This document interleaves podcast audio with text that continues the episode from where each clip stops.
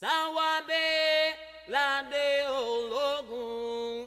Sawabe lade ologun. Sawabe lade ologun. Welkom bij weer een nieuwe aflevering van Project Diaspora. Mijn naam is Richard Kovi en samen met de enige echte Simone Zeefuik presenteer ik deze podcast over kunst, cultuur, activisme, Afrofuturism, Black Liberation. Kortom, over alles ja, waar we van houden. En wederom doen we dat in samenwerking met expositieruimte Tent in Rotterdam. En dat betekent dat onze goede vriendin Gionne Goedhoop ook weer van de partij is. We werken samen met Tent en met Gionne, omdat eh, ze daar de tentoonstelling The Visual Life of Social Afflictions laten zien. Deze tentoonstelling is gemaakt door kunstplatform Small X, die een collectief samenstelde van elf kunstenaars met een Caribische achtergrond. En samen vertellen zij verhalen over hoe de wereldpolitiek, globalisering en het kapitalisme hun persoonlijke levens binnendrong. En ook wat voor schade het aanrichtte in de omgevingen die zij kennen in het Caribisch gebied. Iedere aflevering nodigen we gasten uit. En deze keer zijn het niemand minder dan kunstenaar Jorge Koffie, die uh, inbelt vanuit Curaçao, en ontwerper en onderzoeker Laurindo Andrea. Iedere aflevering staat ook een kunstwerk centraal uit de tentoonstelling. En dat kunstwerk bepaalt dan de thematiek en de vragen die we stellen. In deze aflevering draait het allemaal om het werk van Blue Curry uit de Bahama's. In tent is een rij douchekoppen te zien langs een witte muur. De douchekoppen fungeren als een soort vlaggenmasten waar kleurrijke badpakken aan opgehangen zijn. Van wie zijn deze badpakken? Met deze vraag raakt Curry aan de vraag wie toegang heeft tot leisure, natuur en vrije tijd in het Caribisch gebied. Heel veel kustgebieden daar zijn namelijk eigendom van grote hotelketens en resorts en daarmee afgesloten voor de lokale bevolking. De locals kunnen zich geen toegang permitteren tot die ruimtes en worden vaak actief geweerd van de terreinen om de stranden zo ex exclusief mogelijk te houden. Deze badpakken hangen er eigenlijk als een soort vlaggen en maken van hotels en resorts en misschien ook wel van kunstinstellingen zoals tent, uh, ambassades van groot kapitaal, toerisme en witte onschuld. Kunst- en kennisinstellingen zoals musea fungeren namelijk ook als plekken waarvan heel duidelijk is wie er wel en niet toe behoren. Wie begrijpt het? Wie kan de toegangsprijs betalen? En wiens perspectief staat centraal? De badpakken zijn een indicator dat er ja, in het hier en nu ongelijkheid bestaat, die blijkbaar heel dicht op onze huid zit. Uit de vraag wie de badpakken mogen dragen op de resorts kun je aflezen dat er ja, een bepaalde verdeel- en heersconstructie ja, waar te nemen is op het Caribisch gebied als het aankomt op toegang tot territoriums, toegang tot stranden, toegang tot ruimtes. Er is een grote economische kloof. Samen met onze gasten Laurindo Andrea en Jorge Koffie gaan we op zoek naar andere objecten die op hun eigen manier symbool staan voor grotere vraagstukken die spelen op het Caribisch gebied. We kwamen uit onder andere bij Café Con. Oké, okay, uh, goeiedag allemaal. Ik ben Laurino Andrea, Judy Corso. Ik woon al meer dan 30 jaar in Europa. Ik ben begonnen met een studie wiskunde en van wiskunde ben ik uh, fine art gaan doen. En van fine art ben ik beland bij de Kunstacademie Maastricht. Daar heb ik mode afgedaan, modevormgever. Uh, prijzen gewoon in Parijs. Daar heb ik een tijdje gewerkt. Uh, bij NAF en daarna bij Dior. Toen terugkom in Amsterdam. Daar heb ik voor een theatervoorstelling gewerkt in uh, het Stadsgebied Amsterdam. Van daaruit voor meerdere toneelgezelschappen gewerkt. En uh, rond 1999 ben ik uitgenodigd door de regering van Curaçao om kostuums en decor te gaan maken voor de musical 500 jaar ontdekking Curaçao geschreven geschiedenis. En daar moest ik uh, voor een 150-tal mensen het hele geschiedenis van de indigena's tot en met de millennium neerzetten. En in die proces ben ik heel dichtbij gekomen bij mijn cultuur. Niet dat ik eerder niet zo dichtbij was, maar als ontwerper dat stukje kostuum, uh, kolonialisme, Europa uh, met Curaçao, dat heel hecht is. Hechter dan wij zelf ons kunnen bedenken. Ja. En toen ben ik teruggekomen naar eh, ik heb daar gezeten met mijn atelier tot en met 2003. Toen ben ik teruggekomen naar Amsterdam. Hier heeft mijn onderneming verder eh, voortgezet als ontwerper. Maar ik stond, ik sta voor meer dan alleen maar mode. Uh, mijn label is Laurindo Love. Kan je die herhalen? Sorry? Laurindo Love. Ja. Mm -hmm. Ik ben een couturier, maar ik, uh, ik vond couturier of designer vond ik niet bij mij passen, omdat ik uh, meer tot, met de gemeenschap bezig ben en de culturele ontwikkeling om me heen. Um, dus ben ik mezelf gaan specialiseren in kostuumgeschiedenis, uh, met name van Europa. En van daaruit kwam ook een stukje weer van Curaçao, dat ik me ging verdiepen in een stukje van hoe zit het nou met de historie van kostuum, het kleed, kleedgedrag van Curaçao, gerelateerd met Europa, in dit geval Nederland, of Republiek in die tijd, Amsterdam. En uh, besloot ik een boek te schrijven. En met het boek kwam ook een, uh, bij mij een ding van... als alleen maar ontwerper een boek schrijven die nooit eerder is geweest over Curaçao. Vond ik dat niet sterk genoeg. Dus ben ik na meer dan twintig jaar in de banken gaan zitten. Ik zit nu even in Leiden. En dat doe ik mijn Master of History, Colonial en Global History. Om het heel goed het verhaal van hoe Europa zich heeft verspreid naar het oosten en daarna naar het westen, hoe de kleding met zich heeft uh, vertrokken die kant op en hoe we vandaag erin staan. Wow. En als ik daarmee klaar ben, kan ik mijn boek afmaken. En dan ben ik los van alleen maar ontwerper ook. En los van alleen maar kostuumhistorici, ook dan kostuumhistorici in de koloniaal-mondiaal context. Oh, Wauw, genoeg applaus sowieso. um, genoeg aanknopingspunten om zo direct ja, met de vragen verder te gaan. Maar voordat we dat doen, dankjewel Marindo, wil ik aan Jorge vragen om zichzelf voor te stellen. Wie ben je Jorge, wat doe je? En waar, en waar ben je? nou, ik hoop uh, dat ik heel goed verstaan ben, of redelijk goed verstaan ben. Uh, ik ben nu op dit moment in een klein, uh, best wel fijn klimaat, klein temperatuur kamertje op Curaçao. En daar ben ik heel erg blij en dankbaar om, om toch, ondanks de situatie, om hier te mogen zijn bij jullie. Dus ja, nou, alvast bedankt hiervoor, voor de gelegenheid. Um, ik ben Jorge Koffie. Ik kom oorspronkelijk uit de Dominicaanse Republiek, maar voor een groot deel van mijn leven heb ik gewoon op Curaçao opgegroeid. Dus ik ben uit allebei de, de, de opvoedingsstijlen, culturen ben ik gewoon, dit is een resultaat ervan, dat ben ik. Maar ik heb in Nederland ook een tijdje gewoond, op de kunstacademie gezeten, ook voor een best wel lange tijd. Heb ik opleiding Lifestyle Transformation Design, inmiddels heet het zo. Maar ja, fijn, ook dankbaar voor, voor de ervaring daarvan, want uit dat ervaring heb ik mezelf ook een beetje getransformeerd Tenminste, uh, op bezoek toch naar wie ben ik, uh, wat betekent mijn, mijn identiteit en ook mijn eigen queer identity. En dat heeft mij dus gebracht op het pad van, oké, hoe kan ik eigenlijk met mijn eigen mensen vanuit, vanuit het Caribisch gebied in gesprek gaan over de queer identity. Um, en daar zeg maar ruimte voor maken. Um, en dat ben ik nu, dus nu nog steeds mee bezig. Uh, ik ben ook twee jaar docent geweest. Maar ja, uiteindelijk blijft dit zeg maar ook wel heel veel aandacht van mij trekken om uh, dit verder te onderzoeken.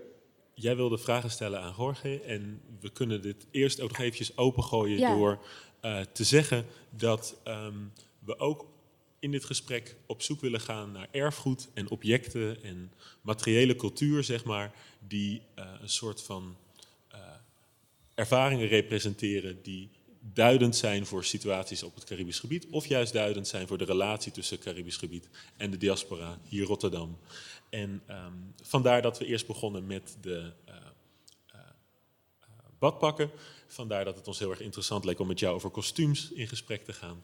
En ja, jouw werk ook, Jorge, dat spreekt ons ook heel erg aan. Dus, Hoor even, volgens mij mag jij... Hij zit daar, dus laat hem dan. Ik denk dat hij nu heel als iemand is die nu heel nauw in de situatie zit, ben jij het wel. Ja.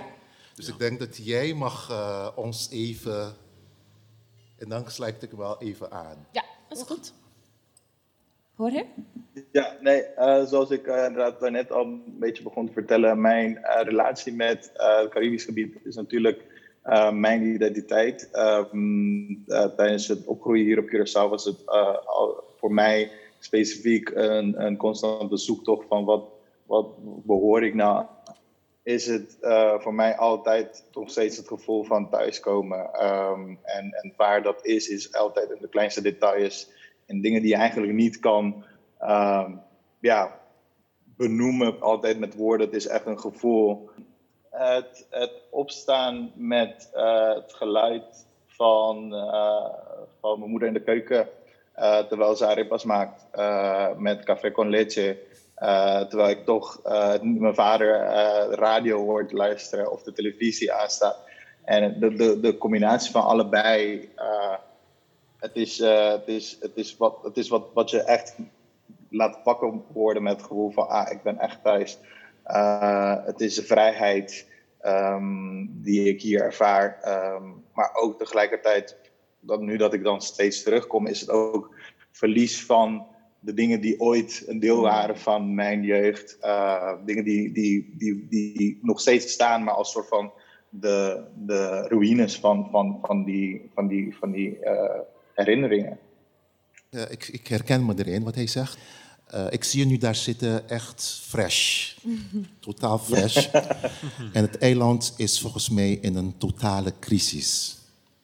Ik voel het al aankomen, al een jaar of twee moet ik je zeggen. Ik was versteld. Hoe lang ben je daar op Curaçao? Ben je al een tijdje daar? Of, uh, hoe lang ben je, Hoe lang ben je op Curaçao? Twee weken. Oh, dus je hebt Bijna twee weken. Oh nee, dus je bent nog kort daar. Dus je bent nu met de corona ben je daar oh, stoer.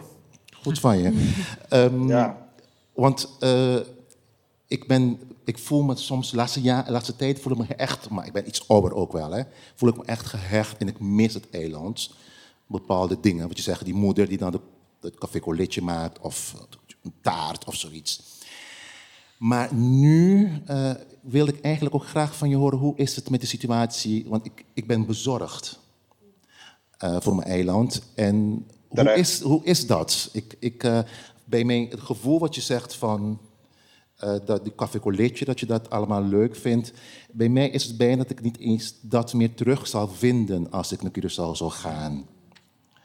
Um, want ik heb mijn moeder, mijn moeder wil niet eens praten over de situatie nu. Ze is 81 geworden.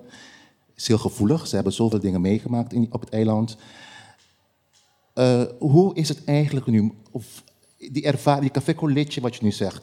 Voel je dat nu nog steeds daar in de keuken? Um, eerlijk gezegd, en daar heb ik gisteren heel lang over nagedacht, ook uh, met uh, vrienden en familie hier. Het heeft dit keer lang geduurd om dat gevoel te krijgen. En ik dacht, misschien heeft het te maken met de laatste keer dat ik daar was, was echt vier jaar geleden. dat ik hier was. en, en, en ik dacht, misschien heeft het te maken met de tijd. Misschien heeft het te maken met mijn leeftijd. Ik ben wat ouder. Mm met uh, andere verantwoordelijkheden, andere meningen, andere visie. Ik dacht, misschien heeft dat ermee te maken. Maar um, ik, merk, ik merkte gewoon dat het langer duurde voordat ik dat gevoel weer kreeg. En ik heb het nog steeds niet gekregen. Helemaal. Ik doe heel erg mijn best. En ik heb ook gemerkt dat mijn moeder heel erg haar best doet om alles ervoor te zorgen dat het weer zo voelt zoals vroeger. Ja. Maar toch weet je dat, dat het is fijn om, om toch. Het gaat om het proberen. En in het proberen kan je dan ook praten over het is toch wel anders. Ja. En het zal misschien nooit meer zo zijn zoals vroeger. Ja, want ik vraag het meer omdat ik nu met mijn studie. Ik zit nu in met de primaire bronnen, wat jullie zeggen. Ik zit nu echt in documenten die zijn zo pijnlijk. Ja. ja. Zo pijnlijk. En ik kan het zo relateren met de situatie van nu. Ja. Ik kan het zo, documenten die ik zelf moest ontcijferen, want ze, zitten, ze worden nu, denk bijna dat ik ze heb geïnspireerd om het te gaan digitaliseren, want ik kan niet meer erin gaan, Mm. nu plotseling. Um, Aan wat voor primaire ja. bronnen moet ik denken? Zijn het uh, reisverslagen? Zijn het uh, biografieën? Wat, wat, brieven? Um, het zijn um, van notaris zijn een aantal mm. uh, dus klachten van uh, schulden. Maar de meeste zijn inventarissen van inboedel. Van de plantage-eigenaren. En aan welke tijd, eh, tijdsframe moeten we Eh, denken? Ik zit nu tussen a- 1780 en 1814. Meer in de piek. En ehm dat zie je echt als je een beetje kan inleven. Want ik moet me inleven om, om eh, sowieso die dingen te ontcijferen. Dan zie ik zo, op papier zie ik zo de situatie op Curaçao nu. Die scheiding en die dingen die je, die je toen heel anders naar keek. Zoals zelfs het koffie maken van mijn moeder vroeger. Als ik nu zou gaan ruiken, zou het heel anders zijn. Zou je voor de mensen die het werk niet echt kennen, die niet echt bekend zijn met archiefwerk, kunnen vertellen wat je bedoelt met ontcijferen? Ja. Oh, sorry. Ja, ehm ontcijferen bedoel ik dan ze zijn. Want nu met, eh, bij archief kan je heel veel dingen online vinden. Dus je kan, eh, ben je op zoek naar iets en dan, ga je, dan krijg je inventarisnummer en dan ga je zo eh, op de website van. eh, ik heb het nu over Nationaal, Nationaal Archief. Het Nationaal Archief van Den Haag. Dus waar echt alles van Curaçao zit. En Suriname ook. eh. Oh. En ehm, dus het is heel oud inventaris, 1780, 1814. En die zijn nog niet, dus die, die, die, die teksten zijn niet leesbaar gemaakt voor iedereen. Dus het is alleen maar nog in die, in die gebundelde boeken.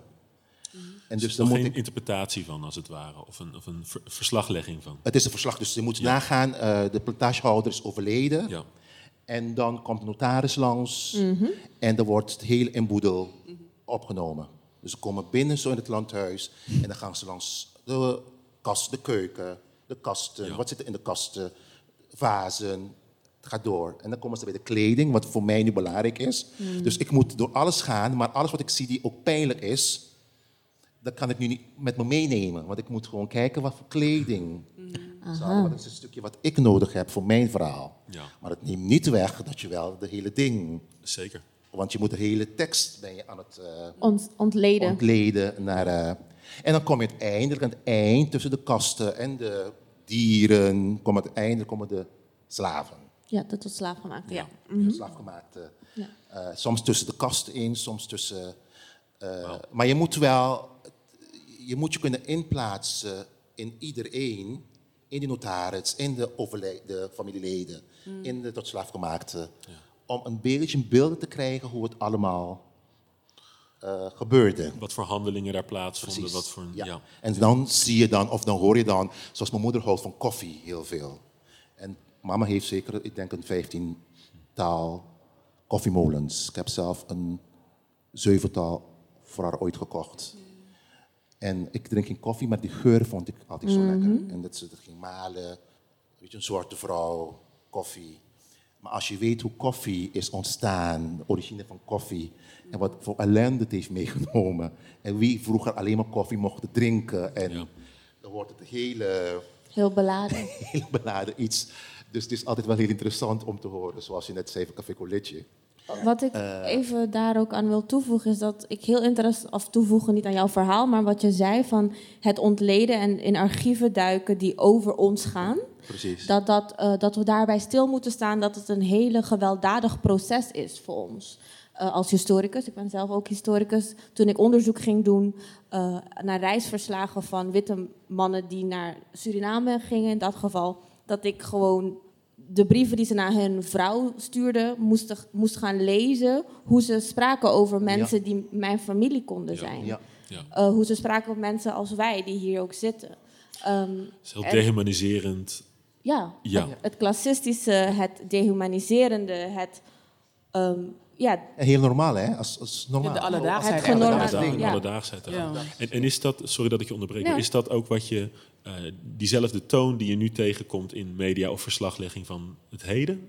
Is dat wat je bedoelt met, je herkent Eh, iets eruit? Ik, ik, nee, dit, dit, hoe het gebeurt. Dus Ja. eh, zoals die, die klassenscheiding. Ja. Dus dat je nu... Ik had een vriend van mij gevraagd. Dus, ja, je zei je bent pas daar nu. Maar een vriend van mij was daar. En ik zei van ja, hoe is het nou? Want eh, heb je niks van gemerkt? Zei van ja, het valt mee. Ik zei, is er niemand in je omgeving die, die lijdt nu? En toen zei hij van, god dat je dat nu zegt. Inderdaad, ik ken een aantal mensen die... Ik had nooit gedacht, maar met de corona gingen ze ook naar de voedselbank. ja. Mensen waar hij anders nooit... eh, weet je, dus het leven was iedereen kon zich nog laveren Mhm. tussen dingen en niemand zag het. En toen kwam de corona en toen werd het bloot. Toen werd iedereen gewoon gestript, kun je zeggen. Ja. En toen kwamen de ware mensen die het Ja. echt moeilijk hebben op de Ja. maatschappij. En dan heb je de groep die het echt goed hadden. Ja. En daartussenin is er een grote kloof. Ja, ja, precies. En nu nog steeds willen mensen het niet zien. Ja. En zij die er zelf in zitten, willen het niet zien. En het zijn hele... Dus als je vers staat, zoals bij mij nu... En daarom zei ik tegen hem, vond ik heel interessant. Wil ik, had ik graag willen horen. Het ligt aan het hart. En ik doe nu iets voor mijn eiland. Het boek wat ik aan het doen, schrijven ben, is ook voor mijn eiland. Maar niet omdat ik het zomaar wil doen. Omdat ik een soort missie voel. Ik voel als, Ik ben de persoon die dit stukje moet doen. Maar dan krijg je wel een confrontatie van hoe het ook toen voor stond en hoe het nog steeds nu voor staat. Ja. Ja. Ik, eh, Het is heel confronterend. Had Ja. je gedacht dat het anders was? Had je gedacht dat, het, dat er een groter verschil zou zijn? Goeie vraag van je. Ik heb niet eens aan mee rekening gehouden. niet of wel? Nee, je ging het doen. Je weet wel wat allemaal is gebeurd. Maar je ging het doen en dan zie je wel wat op je afkomt. Maar beetje bij beetje, wat je zegt, het, het weldadige, het wordt Zichtbaar? is in je, ja, het is, het is duidelijk. Je wist het wel, maar nu is het gewoon duidelijker. Je kan hier niets meer eromheen. De verhalen van onze voorouders zijn nooit goed vertegenwoordigd geweest in de archieven van Nederlandse kunst- en kennisinstellingen. Ze zijn genegeerd, geweerd, vernietigd of als niet wetenschappelijk of subjectief afgeschreven. Dit heeft effect op het Nederlandse bewustzijn van het verleden, het heden en dus ook van de toekomst. Er is een soort knowledge gap, een onafgeronde geschiedenis. Het meeste bewijsmateriaal van ons verleden, waar we hier in de diaspora toegang toe hebben, zijn documenten van paters, boekhouders, rechtbanken. Maar vergeet niet, we kunnen de stemmen van onze voorouders ook horen in objecten, alledaagse gebruiksvoorwerpen en symbolen, waar we niet alleen de emotionele, maar ook de culturele en artistieke waarden in zien, zoals Café Con Leche. Dit zijn hele belangrijke dingen. Dit zijn eigenlijk onze instituten. Zowel voor de Afro-Caribische als daardoor ook voor de Afro-Nederlandse community. In de zaal zit stadsdichter van Rotterdam, Dean Bowen. En na de aflevering heb ik hem benaderd met de vraag of hij misschien een gedicht heeft waarmee hij zou willen reageren op de thematiek van deze uitzending. En dat deed hij. Dus hier is het gedicht. Felix. Felix. De patriarch zit aan het hoofd. Alweer. De rum op tafel is karamelkleurige verdoving, verzoening of het kolkende water uit de Demerara-rivier. En vandaag verdrink ik niet. Ik lanceer een nieuwe naam. Een non-conformistische zelfkastijding is discipline, is kleinwerk. De radicaliteit van een teder bevriezen in een constante staat van migratie. Hij zegt, we hebben allemaal een plek nodig. Ik zeg, zoek deze niet in mij. De herinnering aan hem is een leemte in een autobiografische revisie. Een koloniaal orgasme en misschien is dit wel sterven. Het verschil tussen een bewoond en bezet lichaam. Een vakante ruimte. En vandaag dempen we zijn stem. Dit is een methode voor een asymmetrische emancipatie. Om de holte in zijn aard, in zijn aarde te dichten met een altruïstisch ritueel. Ik druppel olie in zijn bodem om hem te zuiveren. Strooi de as van iets roods, iets wits en iets blauws rond zijn voeten om zijn hoogmoed te bedwingen. En vandaag is hij feilbaar. Herformulering van een overerfde broosheid. Een asemische tongval. En vandaag ben ik thuis. En vandaag zit ik aan het hoofd. En vandaag drinken we allemaal. Ik vind het mooi hoe jullie dit, ehm, het element van verliezen noemden eigenlijk. En een soort, eh, je zei van dat als je nu naar Curaçao zou gaan, je bang bent die Café Con Leche te, te verliezen, de, de, de, Of het is gevoel bang, daarbij. Ja, het is bang, maar meer van al zal ik het, ik weet niet, als ik het zou ruiken, dat ik nog steeds wel even het gevoel. Ja. Is bijna alsof je, dat, er is iets geswitcht of zo in je. Ja, ja, ja. Herken je dat? En zie je dat ook bijvoorbeeld terug in andere, Ja. andere dingen om je heen in de eerste twee weken? Ja, ja kijk, er zijn dingen waar, waar, waar, waar ik nog eh, deels eh, controle over heb, of tenminste in de situatie thuis. Ja. En daarom eh, is het dan wa- waarom ik zei van ja, we, thuis proberen ze toch wel ervoor te zorgen dat ik het gevoel krijg van oh, hij is weer thuis gekomen. En dat, zodat zij dat ook thuis kunnen herleven. Van hij is weer thuis. En, en, en, maar er zijn inderdaad dingen waarvan die we gewoon kwijt zijn geraakt. En, en, en je kan proberen en, en, en blijven proberen elke dag. Eh, het is niet hetzelfde. Ehm, en dat raak je dan kwijt. En, en dat, dat, dat is pijnlijk, inderdaad. Ehm, maar ik denk dat dat geeft mij juist het gevoel dat ik juist wat ik nog wel kan hebben, dat ik wel juist meer waarde kan geven. En dat ik juist weet van oké, dit, dit moet ik wel blijven koesteren. Ja. Ik heb een vraag aan eh, jou, Jorge en Laurindo, wat bij me te binnen schiet. Omdat ik bepaalde dynamieken herken eh, als iemand uit... Ja, ik, ben, ik kom uit Aruba en het soort van teruggaan naar huis, zeg maar. Of het iets opzoeken wat daar is of was en dat steeds proberen terug te vinden. Denken jullie ook niet dat de vorm van nostalgie terugvinden ook een vorm is van overleven daarin? Sowieso. En, en dat, dat, Sowieso. dat we dan misschien ook soms vasthouden aan iets dat, dat dat juist ons niet helpt, soms misschien om vooruit te gaan. Maar ja, en, en, het, het is bijna, eh, kijk, zoals we zeggen, historici, eh, ik, we krijgen ook nu, dus het is hoe je schrijft en hoe je studies doet, dat je vanuit, ehm, eh, eh, ehm, vanuit kennis eh, je, je, je als historici moet optreden. Ja. Je moet wel documenten, dingen om te bewijzen. Je kan niet zomaar praten. Politiek zelf is op de tweede of derde plaats. Maar je verleden is wel, daar loop je mee gewoon.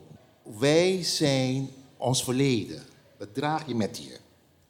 Je zal nooit kunnen zeggen van, of, of velen zeggen, ik heb mensen zeggen van ja, het is het verleden is voorbij. Maar iedereen heeft wel een momentum dat je al aan je moeder denkt of aan een zus denkt. Of, dat is je verleden. Begrijp je? Je staat niet alleen. Je bent ook niet, bent niet zomaar komen vallen van...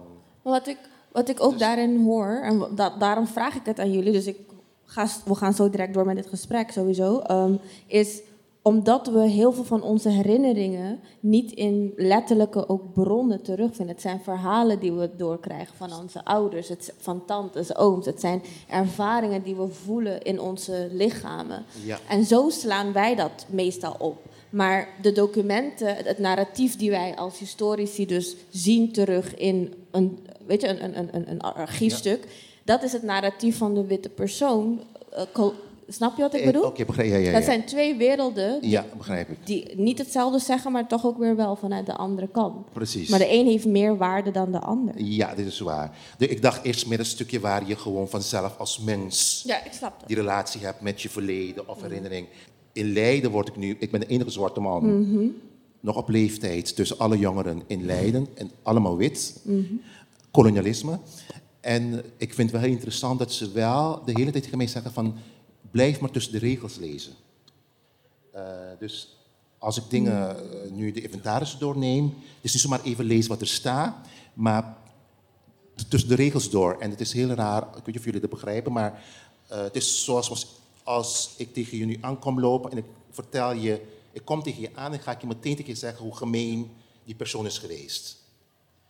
Als je een beetje helder bent als ontvanger, dan zou je denken van ja, Lorne begint te praten over gemeen van die persoon, eh, maar heeft het niet voor die persoon wat hij heeft gedaan. Of, eh, is tussen de regels. De boodschap die nog extra zit tussen die manier waar die, manier, waar die notaris heeft geschreven of zo. Ja, dus wat niet expliciet, wordt, expliciet gezegd. wordt gezegd. Ja. En dat is een stukje wat heel heftig is. En gewelddadig. Precies. Dat, dat wanneer die man dan aan het eind van zijn hele inventaris, bijvoorbeeld, Ja.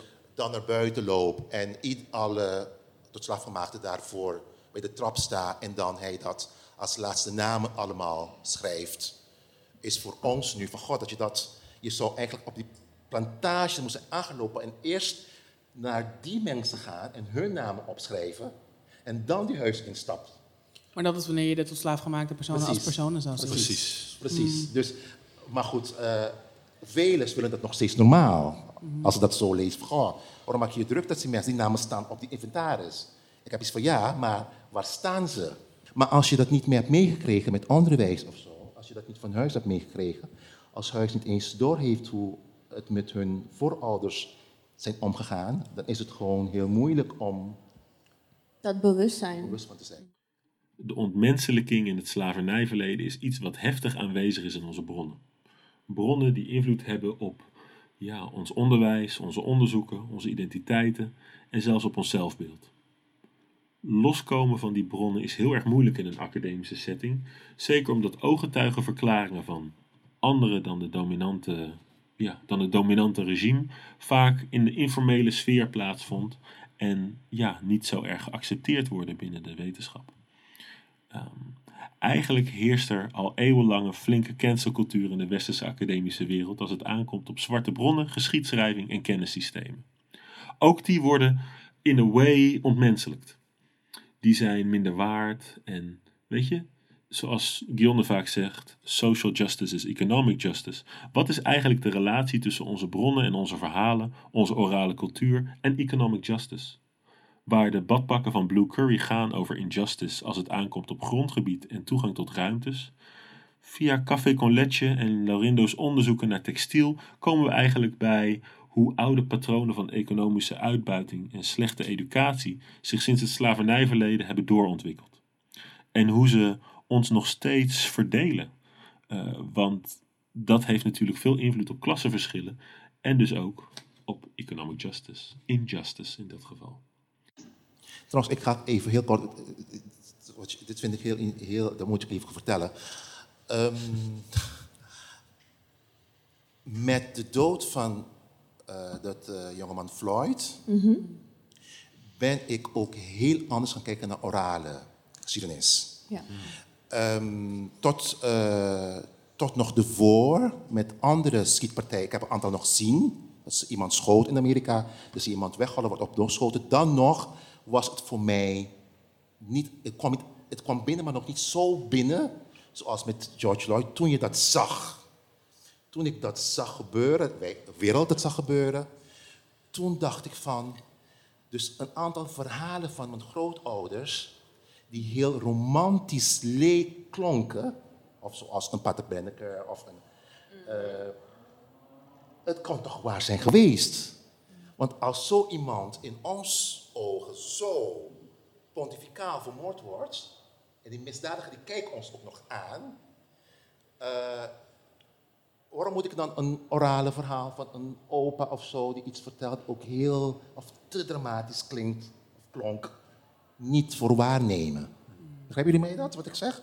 Dus het heeft mij ook weer eh, is af van gauw hoe Waar hecht je waarde aan? op precies is die bron op papier zwart-wit is dat sterker dan een orale bron? Het is heel interessant, daar wil ik even op inhaken. Van, ehm, gisteren werd ik geïnterviewd eh, door iemand die mij ging vragen hoe ik mijn vak eh, geschiedenis beoefen en hoe ik dat uitdraag.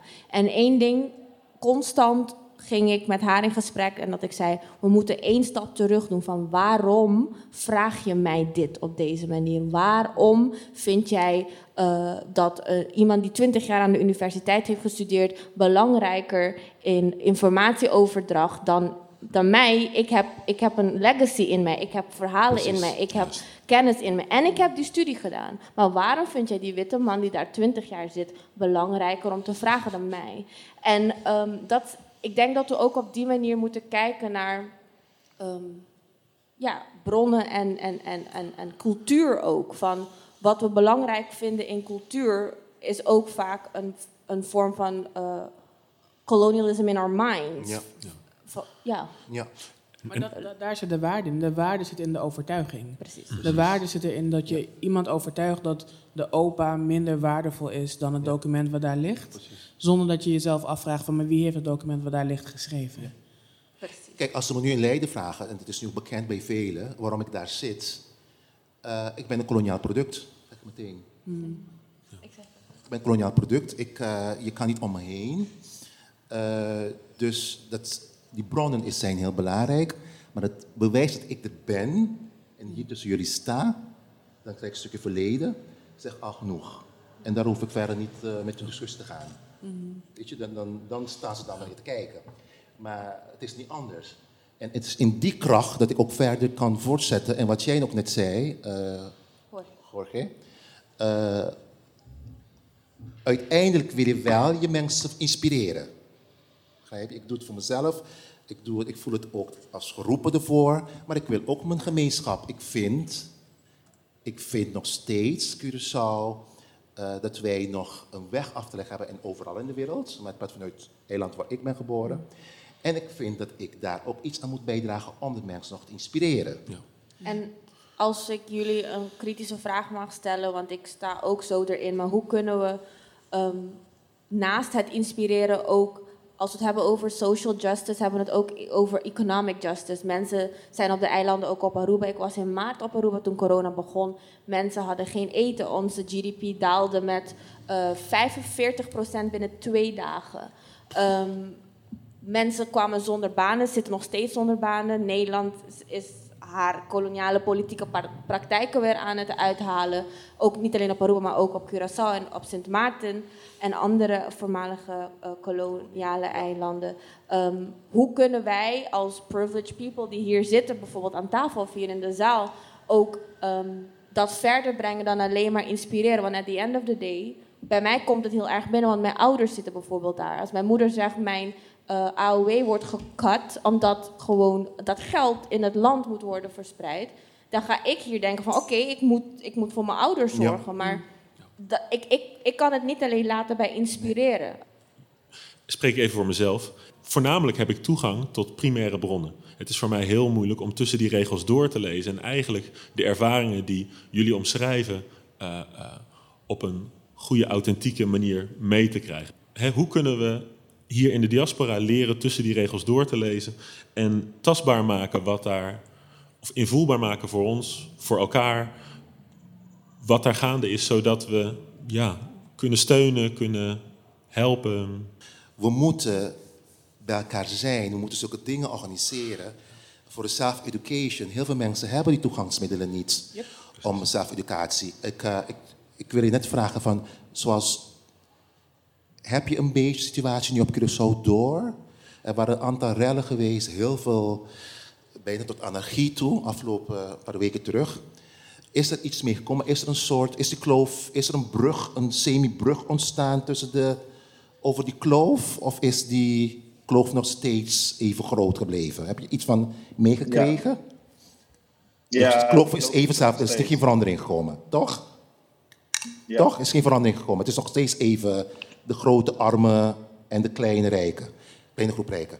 Ja. Ehm, dus self-education, wat ik altijd ook zeg, is belangrijk. Maar je moet mensen wel die ruimte geven. Je moet mensen wel bij elkaar kunnen trommelen. En dat is een manier, zoals wij nu doen op groot, kleinschalig. ehm, mensen bij elkaar te brengen die die kennis hebben, die met die type werk bezig zijn. En die andere mensen die het nodige, die het willen, want je kan niet iedereen forceren.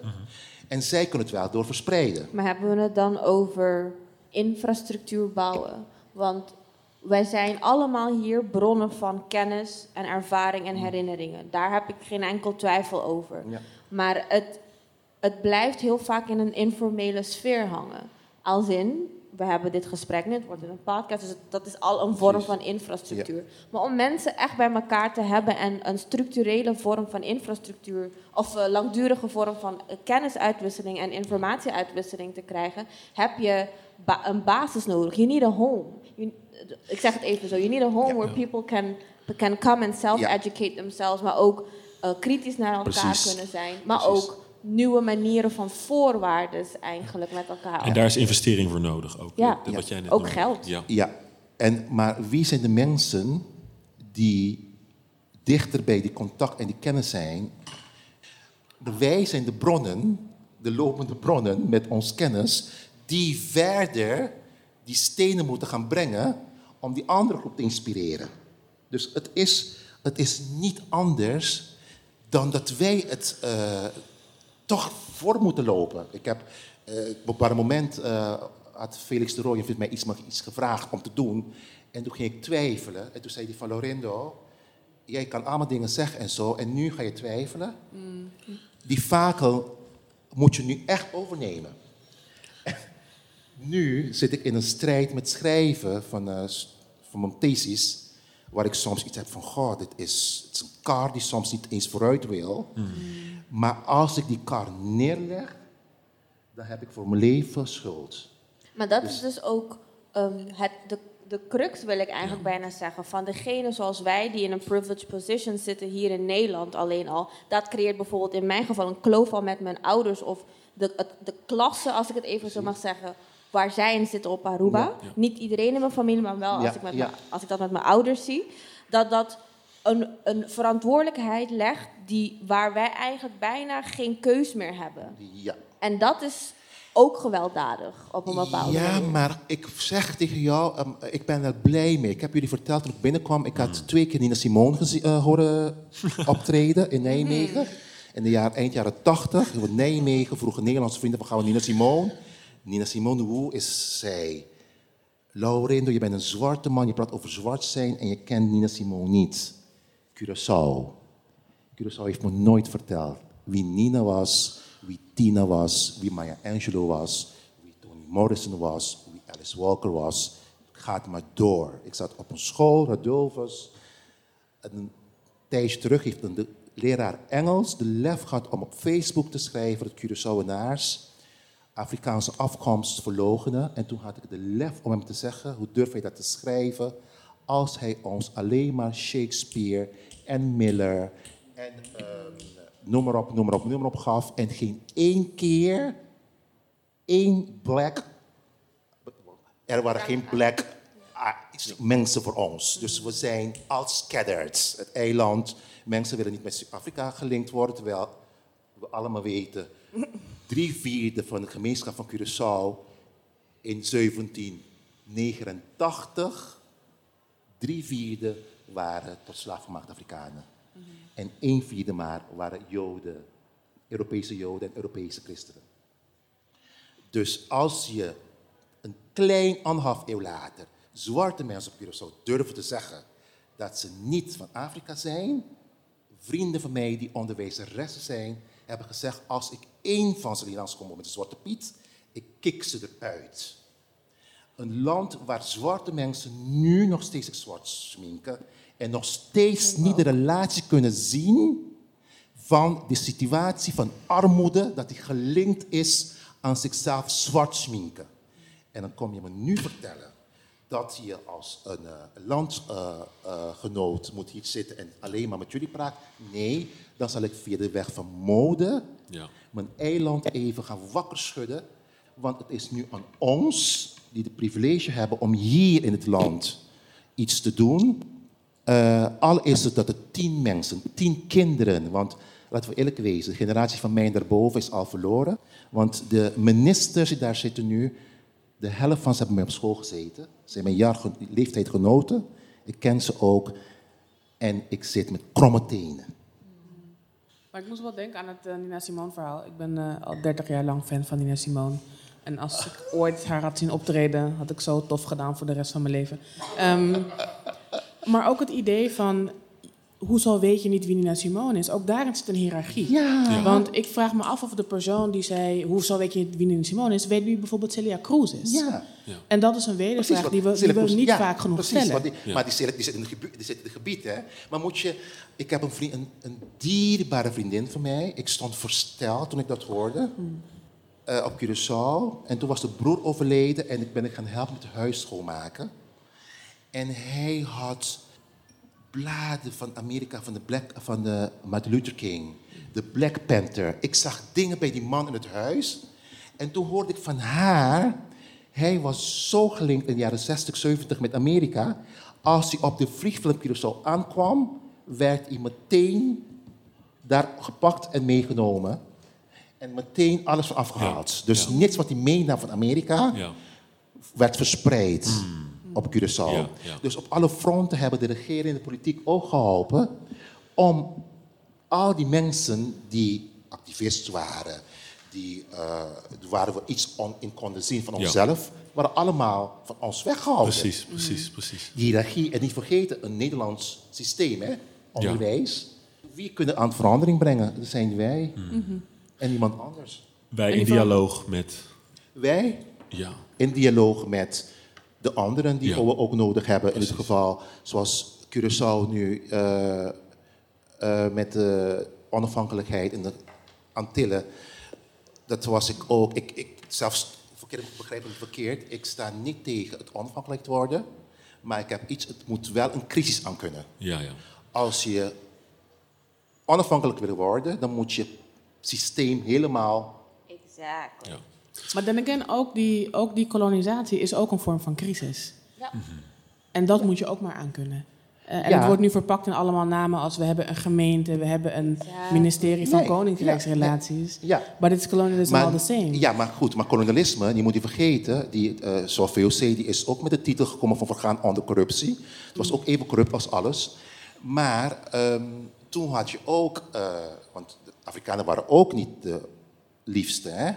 Afrika hebben ook wel de mensen, eh, er was ook een andere pijn. Hè? Als ik, eh, ik zit nu in de bronnen en als ik zie ook hoe, eh, hoe men daar ook met elkaar omging, voor stoffen, voor Ja. alcohol, voor, Wacht, we hebben, we hebben voor deze even meer context nodig. En we hebben ook een pauze. Maar dit is een belangrijk genoeg Dit is een belangrijk, even- precies. De- hier moeten we even op in. Yes. Deze moeten we even uitpakken. En we hebben allemaal drankjes daar staan op die tafel.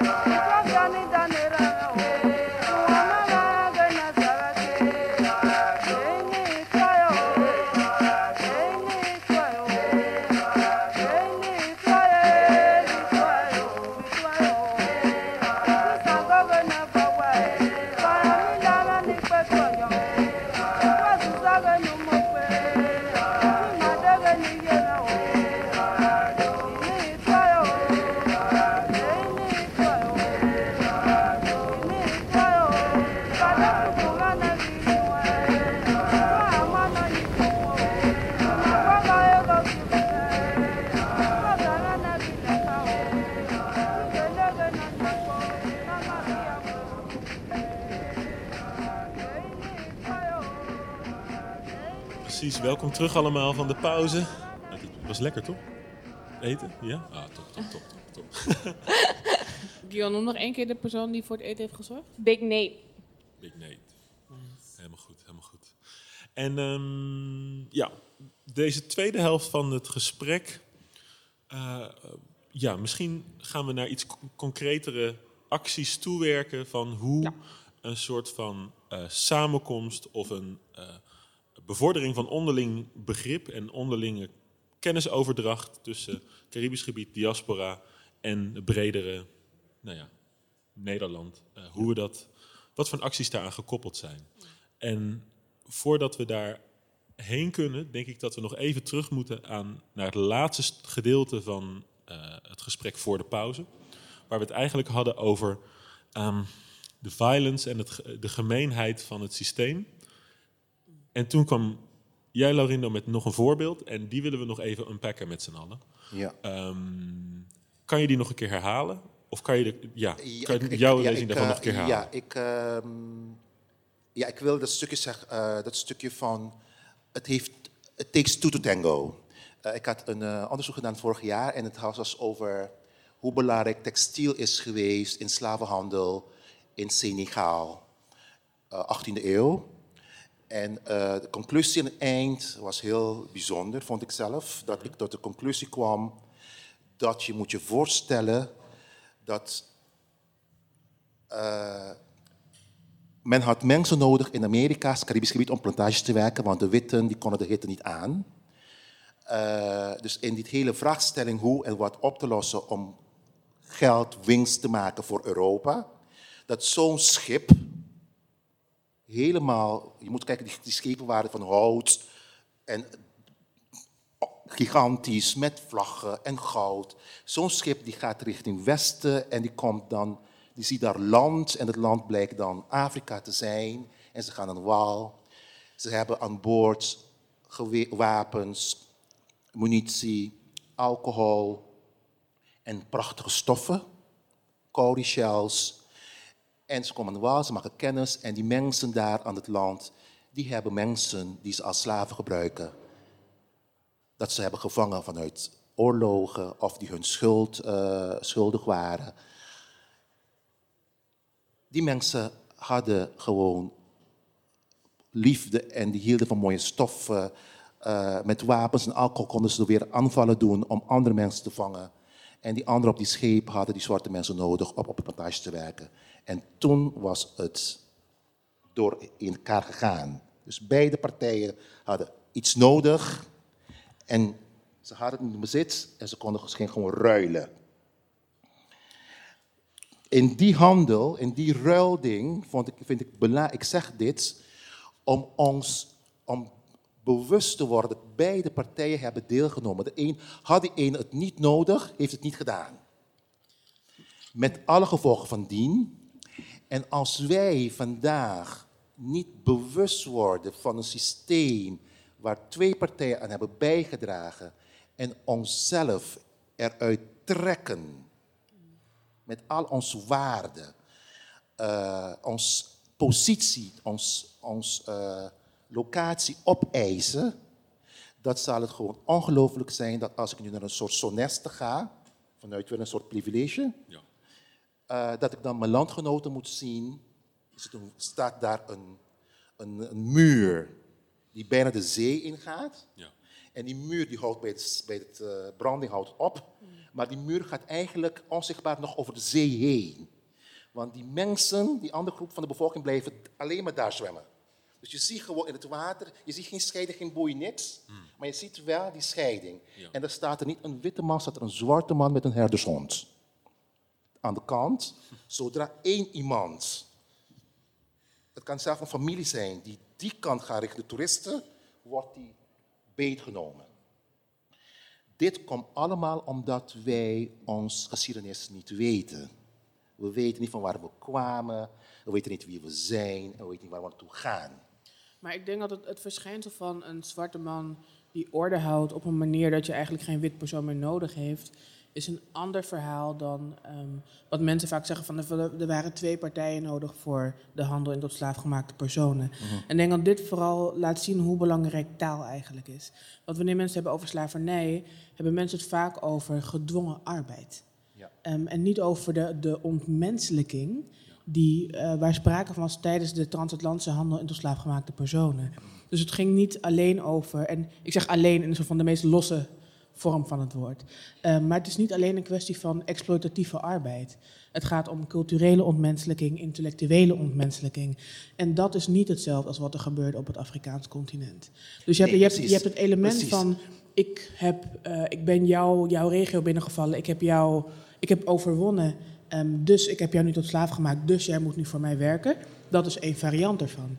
Maar de variant van ehm, ik noteer jou als laatste op de lijst met inboedel, dat is niet wat er daar plaatsvindt. Nee, maar, Of de- de ja, maar het moment al dat je toch jouw eigen mensen in de land stuurde om andere landgenoten te pakken en ze mee te nemen aan, kust, aan de kust, West-Afrika, waar soms zij, die ook de jagers waren, ook als slaven meegenomen werden, Ja, Eh, maar dat heeft er ook mee te maken dat je niet weet aan wie je iemand overlevert.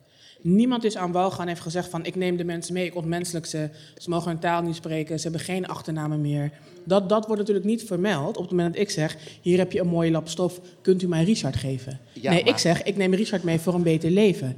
Ik zeg niet, ik zweep Richard af en Richard mag zijn familie niet zien en zijn kinderen die die krijgen worden afgenomen. Dat is niet de onderhandeling. En de betrokkenheid van twee partijen wil niet zeggen dat twee partijen gelijkwaardig zijn. Nee, maar gaat En ik denk dat we heel goed, sorry dat ik even ik denk dat Europa ons heel goed heeft laten zien tot op de dag van vandaag dat de letter van de wet niet voor iedereen hetzelfde betekent. Als we kijken naar artikel 1, zijn we allemaal gelijk, toch? Als nu Dien Bouwen, die hier in, het, in de zaal zit, geweldige dichter, nu naar buiten begint te rennen en de indruk quote-unquote wekt dat hij iets heeft gedaan, springen agenten op zijn nek op een manier dat ze niet op de nek van Marijn springen. Terwijl ze alle twee burgers zijn van dit land, zijn alle twee ingezetenen. De wet zou hetzelfde voor hen moeten zijn. Europa heeft ons keer op keer op keer laten zien dat die gelijkheid niet geldt. Dus wanneer, zelfs als mensen nu zouden zeggen: luister, dit is het contract op basis waarvan we jouw familie hebben gekocht, geloof ik daar niks van. Want het zit in het DNA van Europa om op ongelijke voet een onderhandeling aan te gaan. Dus een contract wil mij niks zeggen.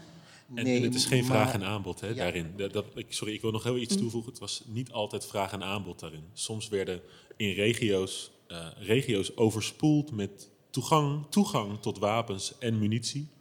Om, En alcohol, want En ze, moesten, alcohol. ze moesten dronken zijn om, maar oorlog een oorlog gaan, te organiseren. oorlog te organiseren. En ik bedoel meer eh, om, Maar- hiermee in te gaan op de ongelijke verhouding die, die in dat industriële van, eh van de slavernij. Want Simon, ik, ben helemaal, ik begrijp helemaal Simone, maar het is toch, het is toch onvoorstelbaar dat zo'n rijk continent, Afrika, voor 400 jaar zijn mensen laat gaan. Want je ziet die mensen daar in je oog. Je, ik, ik kwam een stuk tegen, eh, vond ik ook heel interessant, ik weet niet wat ik moet zeggen, luguber.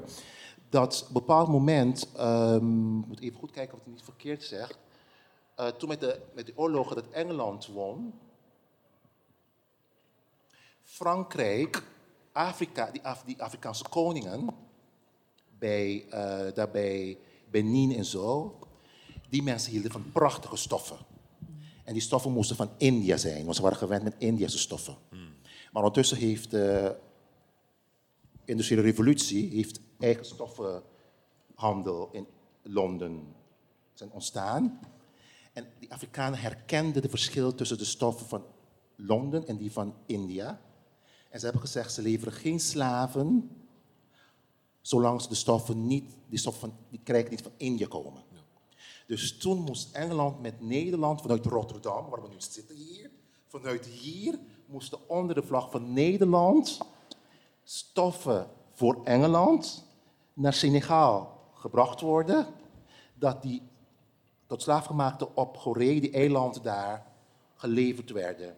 Dus wat ik wil zeggen is, die eh, constant, en het gaat nu, het gaat mij, ik moet nogmaals zeggen tegen jullie, bij mij om te schrijven en om, dus, om de studie te doen, moet ik aankomen als een tot slaafgemaakte op het eiland. Ik moet aankomen als een een, een, eh, een, eh, op fortuin jagende Jood. Ik moet aankomen als een rijke, eh, wilde Nederlander. Ik moet op al die mensen moet ik in hun lijf stappen, intreden, om uit hun ogen te kunnen zien hoe de situatie ging.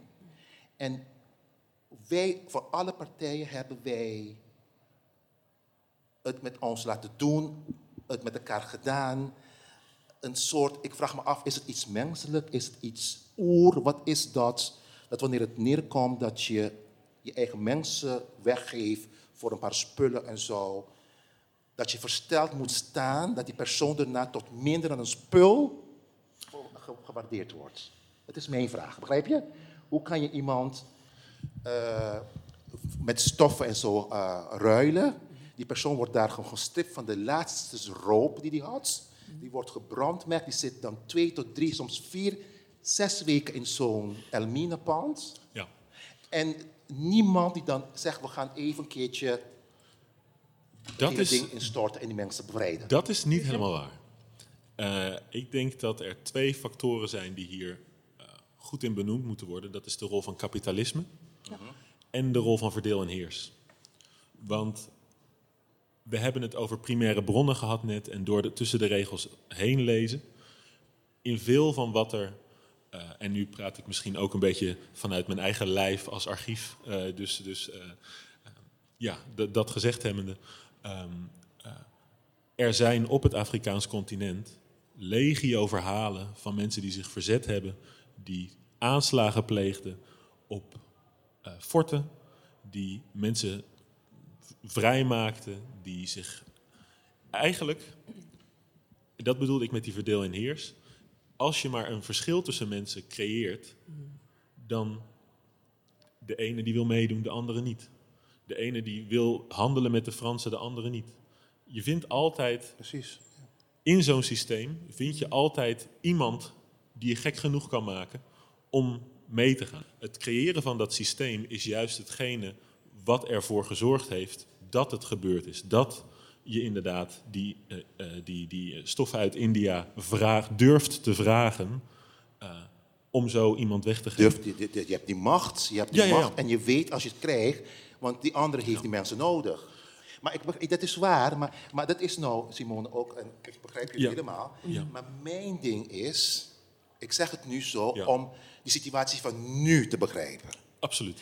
Om nu te begrijpen, zoals een Black Lives Matter, dat ik als een zwarte homoseksuele man, eh, die weet waar hij voor staat, die kan praten voor wat hij is, en die is niet bang om dingen uit te spreken, dat hij ook genoeg dingen heeft meegema- meegemaakt om eh, voor te staan, dat in die Black Lives Matter zelfs heteromannen met hun seksen vechten. En dat de community van LGBTQI moet gaan eisen voor een plek. Dan is die verdeel en heers met Afrika heel intens geweest. En, en, en ik zeg niet zomaar Afrika, ik heb het over een continent. Absoluut, absoluut. De rijkste in de wereld, van mineralen en alles. Met de wijste uitspraken. Absoluut. Wat is er misgegaan op die continent dan, eh, eh, Richard? Ja. Dat er een verdeel en heers is geweest in een klein 300, 400 jaar, waar we nog steeds niet uit kunnen komen. Absoluut. wil ik van jullie weten? Ik ben het helemaal met je eens. Wat heeft u ermee gedaan? Ja. En ehm, misschien kan ik een, eh, een- wedervraag eh, daarop stellen. Hoe kunnen we, weet je zegt net, om dit onderzoek te doen en om eh, beter begrip te hebben van het verleden, moet je af en toe in al die verschillende rollen je inleven. Je moet dat als het ware belichamen eventjes tijdens je onderzoek. Hoe kunnen we ervoor zorgen dat we ons voor ons eigen bestwil en onze eigen omgang met het systeem en onze eigen omgang met dat verdeel en heers, dat wij niet die rollen channelen, maar juist de rol van verzet omarmen, de rol van het eh, ontkennen van het systeem omarmen en het eh, vechten tegen. Hoe, hoe pakken we het zo uit binnen onze eigen identiteiten en binnen de, onze eigen gemeenschappen, dat we dat soort narratieven forwarden op een manier die wij kunnen gebruiken op onze, op, op onze eigen terms. Dus dat we dan niet ehm, eh, ons laten verleiden om telkens eh, eh, in, het, ehm, in het verhaal te blijven van alleen maar de driehoekshandel, maar om ook te kijken naar, ja, wie hebben, hè, je noemde net Tula. Ja, er zijn legio voorbeelden. Ik weet, het schiet me even geen te binnen, maar oh, in, in, in Ghana, Guinea, Senegal. Hoe kunnen we ervoor zorgen dat we toegang krijgen tot die informatie? Om, en hoe stellen we een soort van eh, onderzoeksvraag en hypothese die wij nu hier kunnen gebruiken om ons te wapenen tegen ehm, het systeem? En misschien dan ter aanvulling daarop, Ja. hoe herkennen we ook de alledaagsheid van verzet? Absoluut. Want ik denk dat we vaak naar het kijken naar zo van de iconen, zo van Tula, Sablika, Bonnie, Jolicoeur. Maar hoe herkennen we ook ehm, de alledaagsheid van verzet? En daar ben ik ook in geen zin wat betreft kostuums. Eh, dat vind ik interessant. Bijvoorbeeld als je kijkt naar klederdrachten van mensen. Wat is een kwestie van mode en wat is juist een kwestie van verzet? Dus eh, mensen liepen soms naakt. Hè? Dus iets wat je niet kan voorstellen. En nu begrijp ik ook waarom, waarom zwarte mensen ook heel kuis zijn en heel angst zijn met hun lichaam. Dus bijna, het is je zo gestript dat je op een bepaald moment een bepaald gevoel krijgt van ik moet mezelf gaan. Dat je niet eens durft naakt te staan voor mensen. Dat is iets, ook iets van donkere mensen, heel intens. Maar ik blijf, kijk zoals ik zei al, dit hier al, de podcast van jullie vind ik al geweldig. Echt complimenten ervoor. En ik vind dat zulke dingen moeten gebeuren en die, er moet een beweging komen. Juist. En er moeten bewegingen ontstaan. En ik zie onszelf als een kleine groep bewegingen. Ik ken eh, jullie allemaal. Eh, op andere vlakken hebben we elkaar ook vaker meegemaakt. We moeten gewoon ons kennis en ons kracht gaan bundelen. Ik heb ingang tot het archief. Ja. Vanuit mijn studie, vanuit... eh, eh, ik weet hoe dingen te zoeken. Ik weet hoe mensen te begeleiden. Ik had toevallig met hem ook even over gehad. Ehm, daarom zit ik ook. Ik heb, eh, ik, heb, mijn, ik heb nu expres ook in Leiden heb ik de Nederlandse mensen gevraagd om het te begeleiden. Ja. Nu wil ik de kennis krijgen. Ja. En de kennis moet ik krijgen van de mensen die het hebben bedacht. En dat is een stukje kennis die ik moet krijgen om te brengen naar de andere orale verhalen die ik van mijn ouders, van mijn tantes, van mijn heb gekregen. Ja. Begrijp je? Ik moet die balans gaan vinden. Wij moeten het gaan verspreiden. Je kan niet iedereen aan de hand trekken, je kan niet iedereen omkiepen tot iets anders, maar we moeten wel positief in staan en er moet hoop zijn. Ja? Nee, ik wilde vragen, ik heb, ik heb alleen maar horrorverhalen gehoord over studeren in Leiden. Ja, ik, ik moet zeggen, ik hoor van iedereen, hoor, iedereen van, van ja, maar hoe doe je dat? Hoe- Ja. Ik heb, ten eerste, ik ben gegaan omdat ik nu me klaar voor vond. Nu had ik het gewild, ik had nooit dat willen doen. Ik eh, loop daar en ik voel me gewoon heerlijk, want ik ben daar voor een doel. Ik kan me aanpassen. Ik hoef niet alles te doen wat je wil, maar ik kan me wel aanpassen. Zeker daar waar, ik, waar je dingen hebt die ik van je moet krijgen waar je dingen hebt die ik van je moet krijgen, zoals je van mij dingen hebt ontvangen, of geëist, of getrokken, Geroof. of geroofd, daar wil ik ook mijn andere deel hebben. En ik ga met jou niet in gevecht met harnas en met geweer, ik ga met je in dialoog. Zoals we nu ook hier zitten. Want die blauwdruk is voor mij ook belangrijk. En als ik die blauwdruk heb, oh, dus- ze hebben het zo gedaan. Dit is zoals wij, hè. we zijn culturen, we pakken zo'n cakepakje of iets. We gaan niet meteen dat hele ding letterlijk overnemen. We gaan zelf een beetje meer suiker of een beetje meer rozijn. Of, maar je wil dat stukje ding wel krijgen. En zo wil ik de weg staan en zo wil ik ook verder anderen inspireren. Want wij hebben elkaar nodig. We hebben elkaar nodig. We hebben elkaar nodig. Simone, Gionne, Laurindo, Gorge en ik zetten ons al jaren in voor het dekoloniseren van Nederlandse kunst- en kennisinstituten. Er is onderzoek voor nodig, zoals dat van Laurindo, om ervoor te zorgen dat andere verhalen bovenkomen die laten zien dat er een veelvoud is aan interpretaties van de geschiedenis. Niet alleen de dominante cultuur die Europese narratieven centreert, witheid als standaard perspectief neemt. Hoe zorgen we ervoor dat we eh, niet deze eenzijdige witte eurocentristische geschiedschrijving en kunsteducatie gaan counteren met een ander eenzijdig verhaal? Eén die ook geen recht doet aan onze diversiteit, want geschiedenis, de kunsten, de wetenschap, het hoort van ons allemaal te zijn. Daarover gaat een van de vragen van het publiek. We hebben echt zulke toffe mensen in het publiek zitten trouwens. Naast Xavier Donker van Okan en Jeanette Chedda uit een van onze eerdere afleveringen hebben we ook Dean Bowen, stadsdichter van Rotterdam. Oh ja, hallo voor de mensen die me niet kennen. Ik ben Dean Bowen, eh, st- stadsdichter van de stad waar we nu zijn.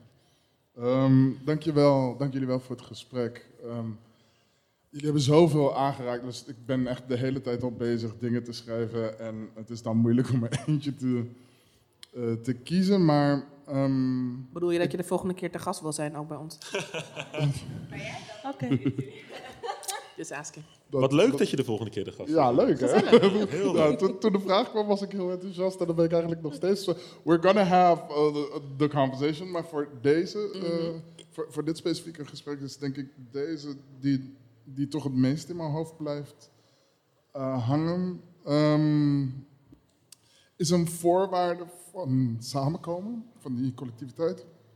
Ehm, ehm, is, een, is een voorwaarde niet het verkennen van onze, het herkennen, erkennen en in sommige gevallen formaliseren van onze eigen pluriformiteit. Want eh, waar ik denk ik toch ook een beetje een gevaar in zie, is een soort van dat, dat idee van dat zelfs in onze gemeenschappen er een soort eh, opgelegd ehm, narratief is of een opgelegd archief. En dat er dan een soort uniform counter-narrative is of zo. Terwijl ik denk dat juist bij de nature van zeg maar, hoe er ehm, mensen naar de eilanden, maar ook naar Suriname ehm, zijn gebracht. ehm, er, is, er zijn een veelvoud van stapelingen van verhalen. Die, en ik zie een gevaar dat als we dat allemaal soort kanaliseren en persen tot één verhaal, dat we dan alsnog onszelf een, een bepaalde mate van koloniaal geweld aandoen, omdat we niet onze eigen pluriformiteit herkennen. Ehm, dus ja, hoe, de vraag is, ehm, hoe, ehm, hoe verhouden jullie je tot het idee van dus onze eigen pluriformiteit en wat zijn eventueel strategieën om die eh, te blijven on- eh, eh, ontwaren? Dankjewel. Ik ben heel erg benieuwd naar wat Jorge daarvan vindt.